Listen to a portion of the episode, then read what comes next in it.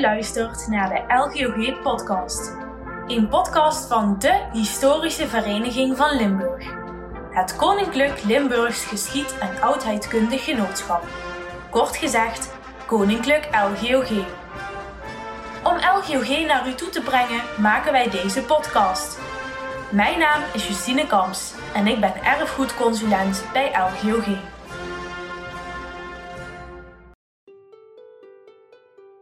In deze aflevering hebben we Ad van Itterson en Christian Steffens te gast. Zij hebben samen een boek gemaakt van de autobiografie van Elisabeth Stroeve, stichteres van klooster Calvarieberg in Maastricht. Ad zorgde voor de tekst, Christian voor een aantal kunstwerken die bij het verhaal over Elisabeth horen. In deel 5 van de serie over Limburgse literatuur vertellen zij over het boek, de kunstwerken en natuurlijk over Elisabeth. Welkom allebei. We gaan het vandaag hebben over een nieuw boek dat jullie hebben gemaakt. Uh, zouden jullie eerst kort willen voorstellen? Mijn naam is Christian Steffens. Ik ben een Maastrichtse meisje. En uh, net als Elisabeth Stroeve ook. En dat is ook mijn band met haar.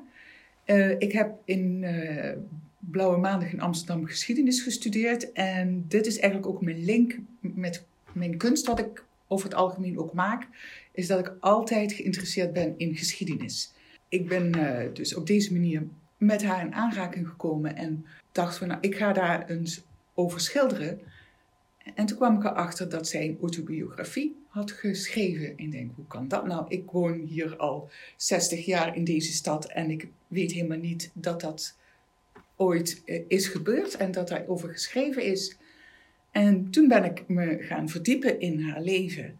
En uh, dat werd de enige verbazing naar de andere. En uiteindelijk heb ik ook uh, via een Florence Koren, die al eerder over haar had geschreven, um, heb ik haar biografie, in handen gekregen. In een hedendaags Nederlands, althans in Nederlands van de vorige, begin vorige eeuw.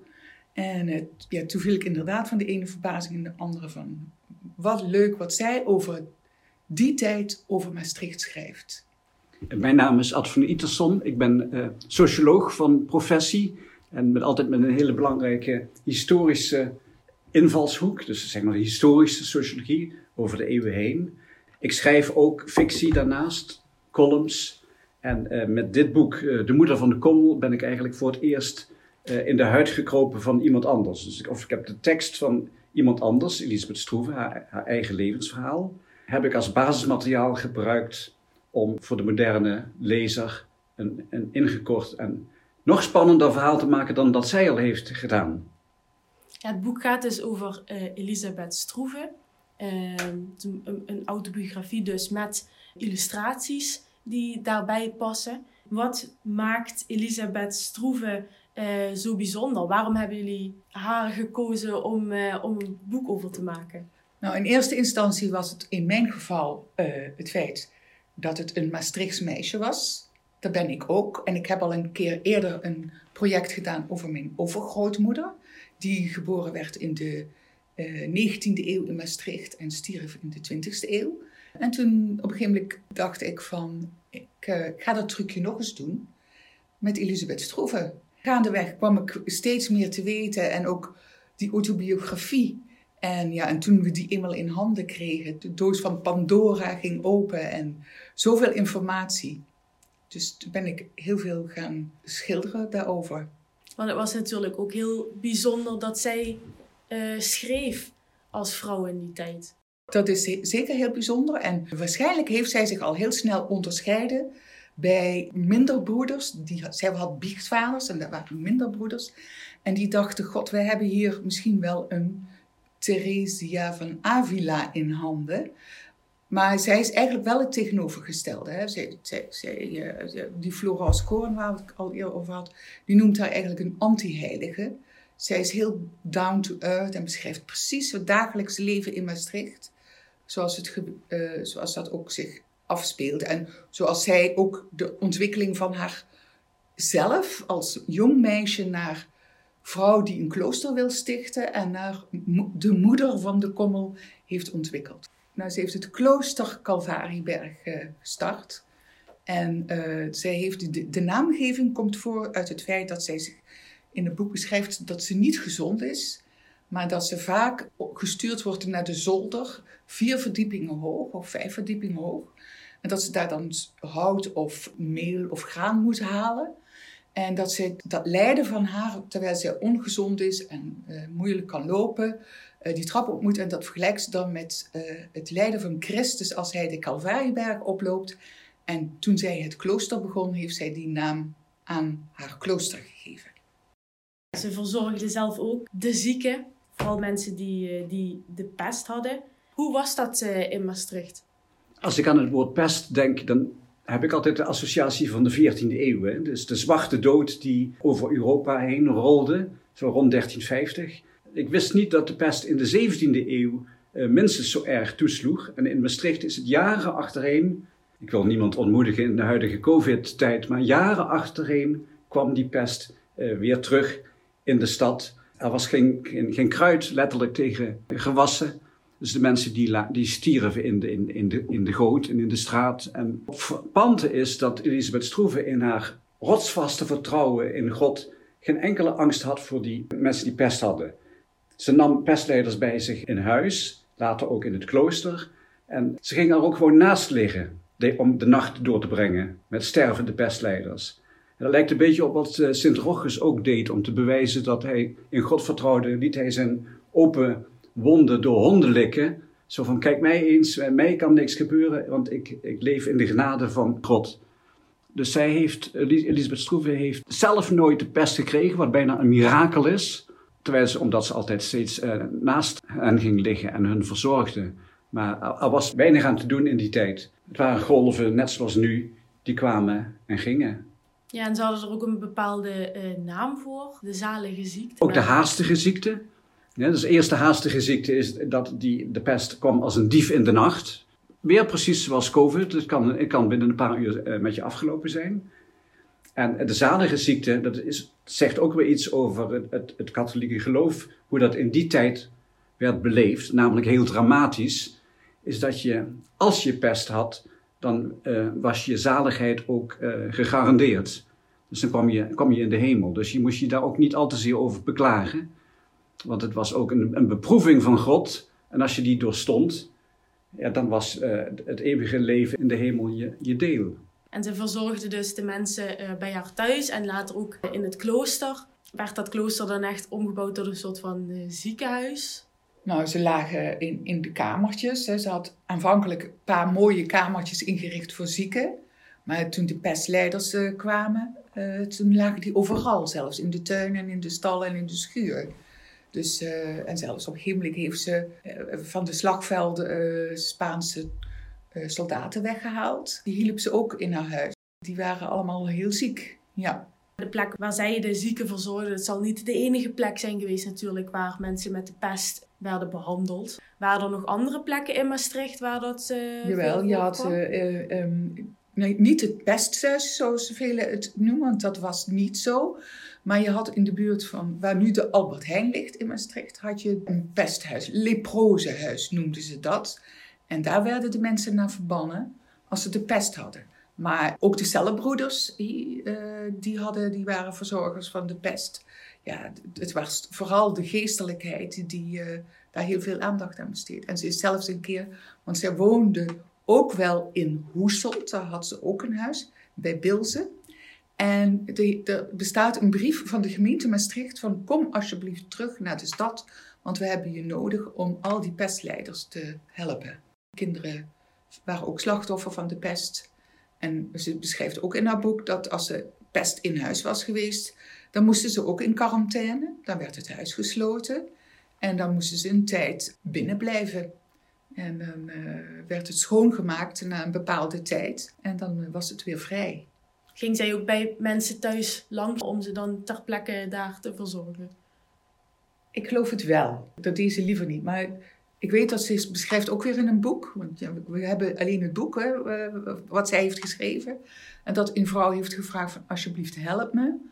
En dat zij uh, had iets van, ja, moet ik jou nou helpen? Je hebt het geld om veel meer andere mensen in te kopen om je te helpen. Maar die had er toch overreden om haar te komen helpen bij het stervensproces. Vanaf 1632 kwam Maastricht eh, in de handen van de staatse troepen.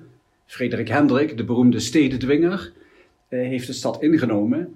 En uh, hij was weliswaar zo verstandig om het, katholieke geloof niet het leven al te zuur te maken. Dus de kerken werden opgedeeld in, in vier parochiekerken, in twee protestants, twee katholiek.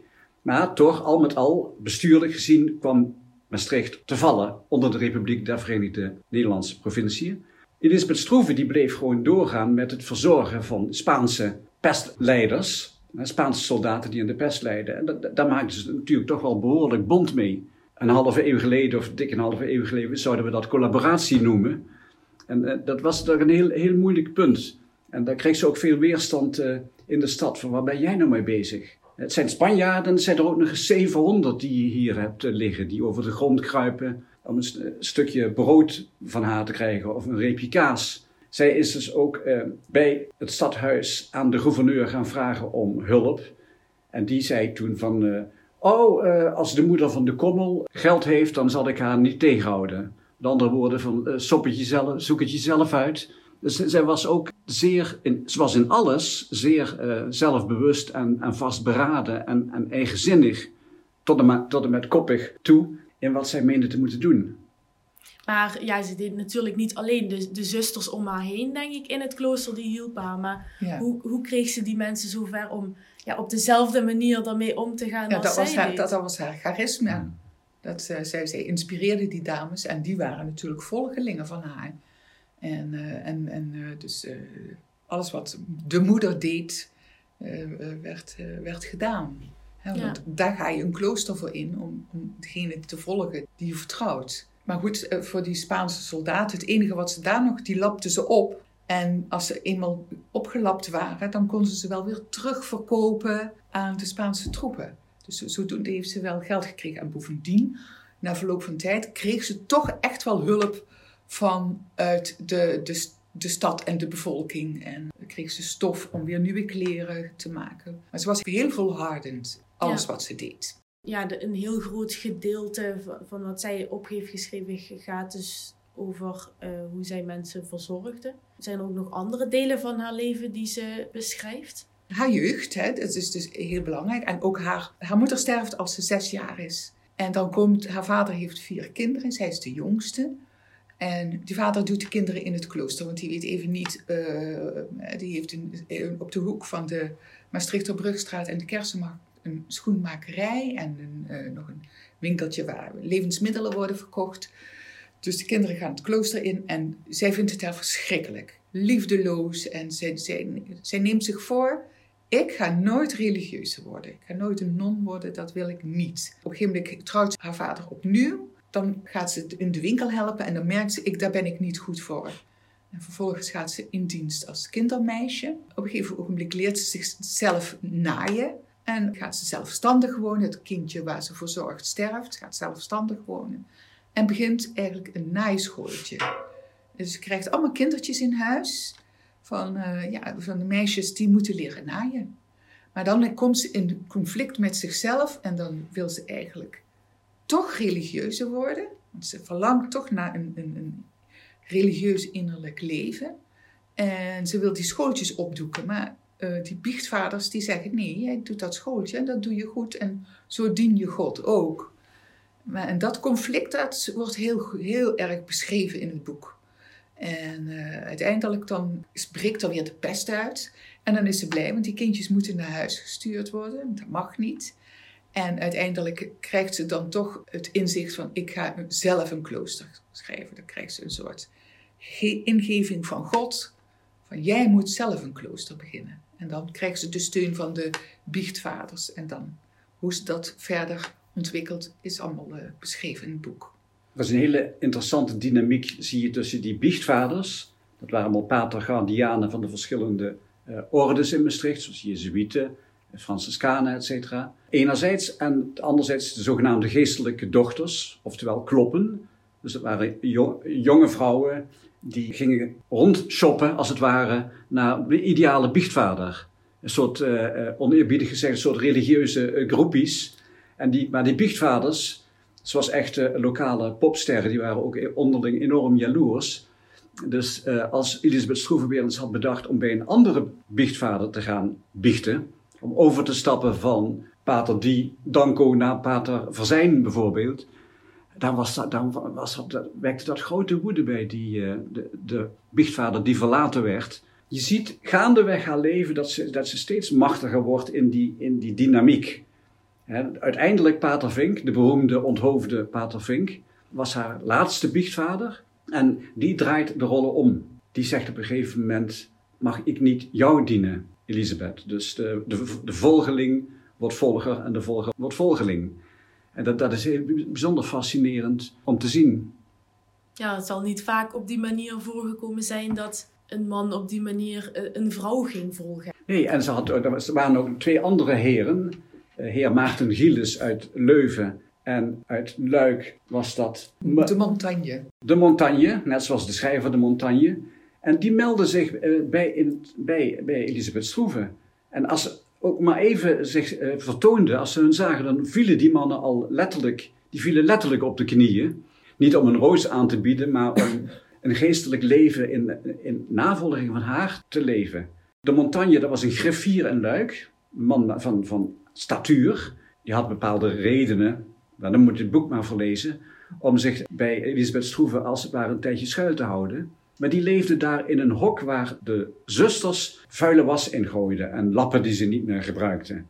En dat vond hij uh, een paradijs. Die andere, meneer Maarten Gielis, die, was, die vroeg dan aan Elisabeth van mag ik uh, met een doornenkroon op door de stad gaan lopen, van uh, kerk tot kerk en van deur tot deur, om te bedelen en dat vond Elisabeth Stroeven, die toch ook wel weer nuchter was, ondanks alles, die vond dat toch wel een beetje al te gortig. Om een van haar volgelingen als een soort Jezus over de kommel en de stad in en stad uit te laten lopen.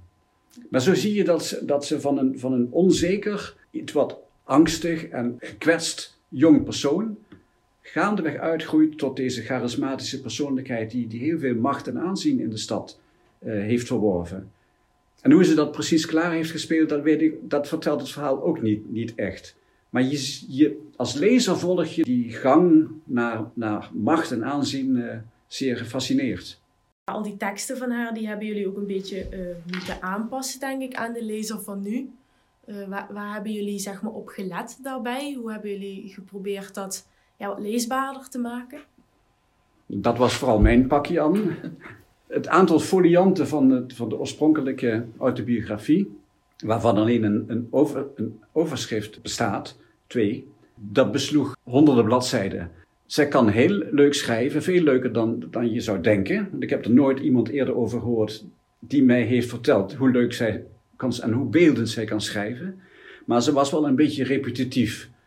Dus ze verviel in herhalingen. Dat was ook vooral om die biechtvaders te pleasen, zou ik maar zeggen. Iedere keer te laten te zeggen van ik vertrouw op God en uh, de duivel kan mij de pot op. En, uh, en dat heb ik er een beetje uitgesloopt. Dus de echte herhalingen en de, en de wendingen die wat, wat, wat slapjes in de, in, in de huid zitten, die, die heb ik als het ware strak uh, getrokken. Ja, en om, om natuurlijk het verhaal nog begrijpelijker te maken, kan je ook illustraties toevoegen. Dat, ja. en dat is ook gebeurd. Hele mooie illustraties zitten er in het boek. Waar zijn ze op geïnspireerd en hoe zijn ze precies gemaakt? Ja, nou ze zijn dus niet gemaakt als illustraties, dat voor opstellenden. Het zijn uh, in totaal uh, 40 uh, kleine doekjes en die zijn gemaakt als een soort tapijt van Bayeux. Het, het, het, het, is 40 kleine doekjes en dat is samen 16 meter. En ik zou afgelopen mei in het theater aan het Vrijthof hebben geëxposeerd op die mooie ronde wand. En uh, dan loop je eigenlijk langs het leven van Elisabeth Stroeven. En uh, dat, dat doet het tapijt van Bayeux ook. en uh, ook een soort Egyptische dodenrol. Want ik kan niet alleen, ik, ik kan haar leven niet omvatten. Ik kan alleen maar naar glimpen kijken van wat ik uit de geschiedenis kan halen en wat ik kan halen uit haar biografie. Dus dat is een beetje uh, ontstaan. Dus het, is, het zijn losse elementen die samen een groot kunstwerk maken. Dus ik zou dat in afgelopen mei exposeren. Maar inmiddels was Ad al beginnen te schrijven. En ging de tentoonstelling niet door. We weten nu op dit moment nog steeds niet wanneer dat is. Is dat volgend jaar mei, juni? Of is dat pas volgend jaar september? Dat is helemaal afhankelijk van hoe COVID zich gaat ontwikkelen. Maar goed, uh, nu is daar dat boek. En uh, toen hadden we zoiets van, we gaan uh, die schilderijtjes los daarin zetten als illustratie. En of ze nou heel duidelijk maken waar het boek over gaat, dat is niet zo. Want het is natuurlijk wel, ik ben beeldend kunstenaar en ik laat me inspireren en ik heb mijn eigen beeldtaal. En daarom staat ook wel achter in het boek een bepaalde beschrijving van het schilderijtje waar, waar het naar refereert naar in het leven van Elisabeth Struve. Dus het is eigenlijk ook een soort van sfeer die je dan wil oproepen daarmee. Ja, en dus ook duidelijk, uh, ja, het is, het is mijn sfeer. Uh, zoals ik het interpreteer natuurlijk. En ik, in, ik uh, heb als voorbeeld natuurlijk de schilderijen uit de Gouden Eeuw. Daar heeft het helemaal niets mee te maken. als wel de kleurstelling en de eenvoud. Want als je toch gaat kijken hoe de mensen in de Gouden Eeuw gekleed waren, was het altijd een blauwe rok, gele boezeroen, een wit schort. Of, maar altijd, er zaten geen patronen in die kleren. De, de patronen die ik heb verwerkt in mijn schilderijen, dat zijn de patronen van de vloer van de Nicolaaskerk. Of het patroon van een vakwerkwand. Of het patroon van raampjes die ze, glas en lood, wat in die tijd uh, waren. Maar de, de, de, de kleren in de Gouden Eeuw waren altijd heel simpel. En daarvoor heb ik de schilderijtjes ook allemaal heel simpel gehouden. En ook vanwege het feit dat het een eenvoudige leven vraagt een eenvoudig beeld. Dus dat is uh, een beetje zoals ik het heb gemaakt. En de, ja, wat zijn bepaalde momenten die je dan daarbij hebt uitgekozen? Ik heb bijvoorbeeld een, uh, een het, het beeldenis van Frederik Hendrik gemaakt. Want Frederik Hendrik heeft Maastricht veroverd op de Spanjaarden.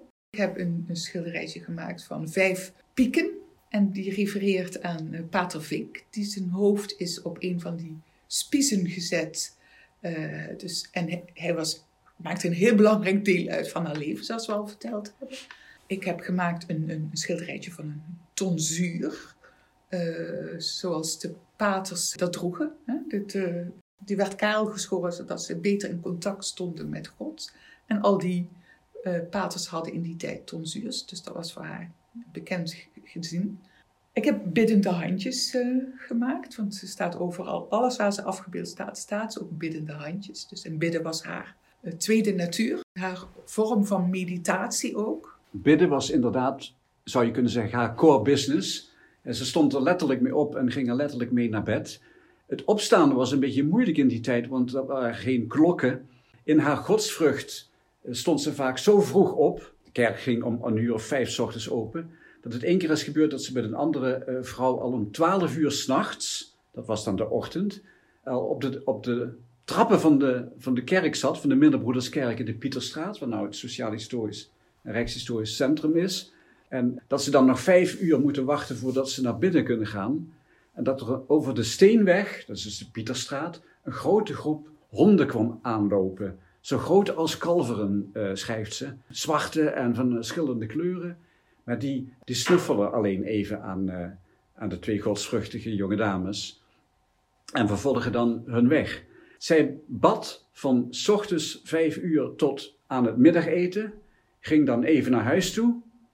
En in de loop van de middag ging ze weer terug naar de kerk om verder te bidden. Totdat die s'avonds een uur of zeven werd gesloten. Dus je vraagt je af waar, waar ze al, die, uh, al dat uh, behulpzame werk uh, kon doen. En wanneer ze dat zou moeten doen, als ze, als ze minstens 12 uur per dag aan het bidden was. Je kan je dat, niet, kan je dat bijna niet voorstellen. Hoe, proberen ze een uur te bidden. Maar zij deed het haar hele leven lang uren en uren en uren achter elkaar. En waarschijnlijk was voor haar bidden ook een manier om de mensen die ziek waren te helpen. Jazeker. Maar bidden was volgens mij ook een manier, dat heeft ze zich als jong meisje hè, uh, aangeleerd, dat ze uh, op een gegeven moment is haar moeder gestorven. En haar moeder werd, zij noemde haar, de mensen noemden haar moeder betoverd. En ik denk dat haar moeder ehm, een soort posttraumatische stressstoornis had. Dit is tegen de regels van geschiedenis in, want dat staat nergens beschreven. Maar twintig jaar daarvoor, voordat zij geboren werd, was haar moeder natuurlijk een jong meisje in Maastricht. En ze heeft die Spaanse furie en de inval van de Spanjaarden, waar heel veel mensen in Maastricht zijn vermoord, uh, heeft hij meegemaakt. Dus die heeft waarschijnlijk dingen gezien waarvan we nu zeggen dat is een oorlogstrauma. En, uh, dus, en zodoende is zij toen, op zesjarige leeftijd, is die vrouw overleden. Waaraan dat wordt niet echt beschreven in het boek. En zij gaat dan al als jong meisje heel vaak naar de uh, Sterren der Zee. En zij, Sterren der Zee is voor haar haar moeder. En dan gaat ze bidden. En dat is voor, haar, voor mij ook een vorm van meditatie om tot rust te komen. En zo heeft ze zich dat als jong meisje al aangeleerd. En als de luisteraars nu denken van, oh, het is wel een heel interessant boek. Ik wil het graag hebben. Waar, kunnen ze het dan, uh, waar is het te verkrijgen? Ik neem aan dat de Maastrichtenaar met name dan eh, naar de tribune, dan wel naar de Dominicanen kan snellen. Het is de bedoeling van ons schrijvers dat we uh, niet de bolkomst van deze wereld aanprijzen. Maar dat kan natuurlijk ook, ook nog altijd. Maar bij voorkeur de, de, steun uw plaatselijke boekhandel en, en ga daar naartoe. En als hij of zij het niet op voorraad heeft, kan dat natuurlijk besteld worden in no time. Nou, hartelijk bedankt eh, voor het interview. Graag gedaan. Graag gedaan. Bedankt voor het luisteren naar aflevering 18 van de LGOG podcast. Onze grote dank gaat uit naar Ad van Itterson en Christian Steffens voor het vertellen over hun werk. De productie was in handen van Justine Kamps. Vond u deze podcast leuk? Vergeet dan niet om een review achter te laten of om de aflevering te delen met anderen.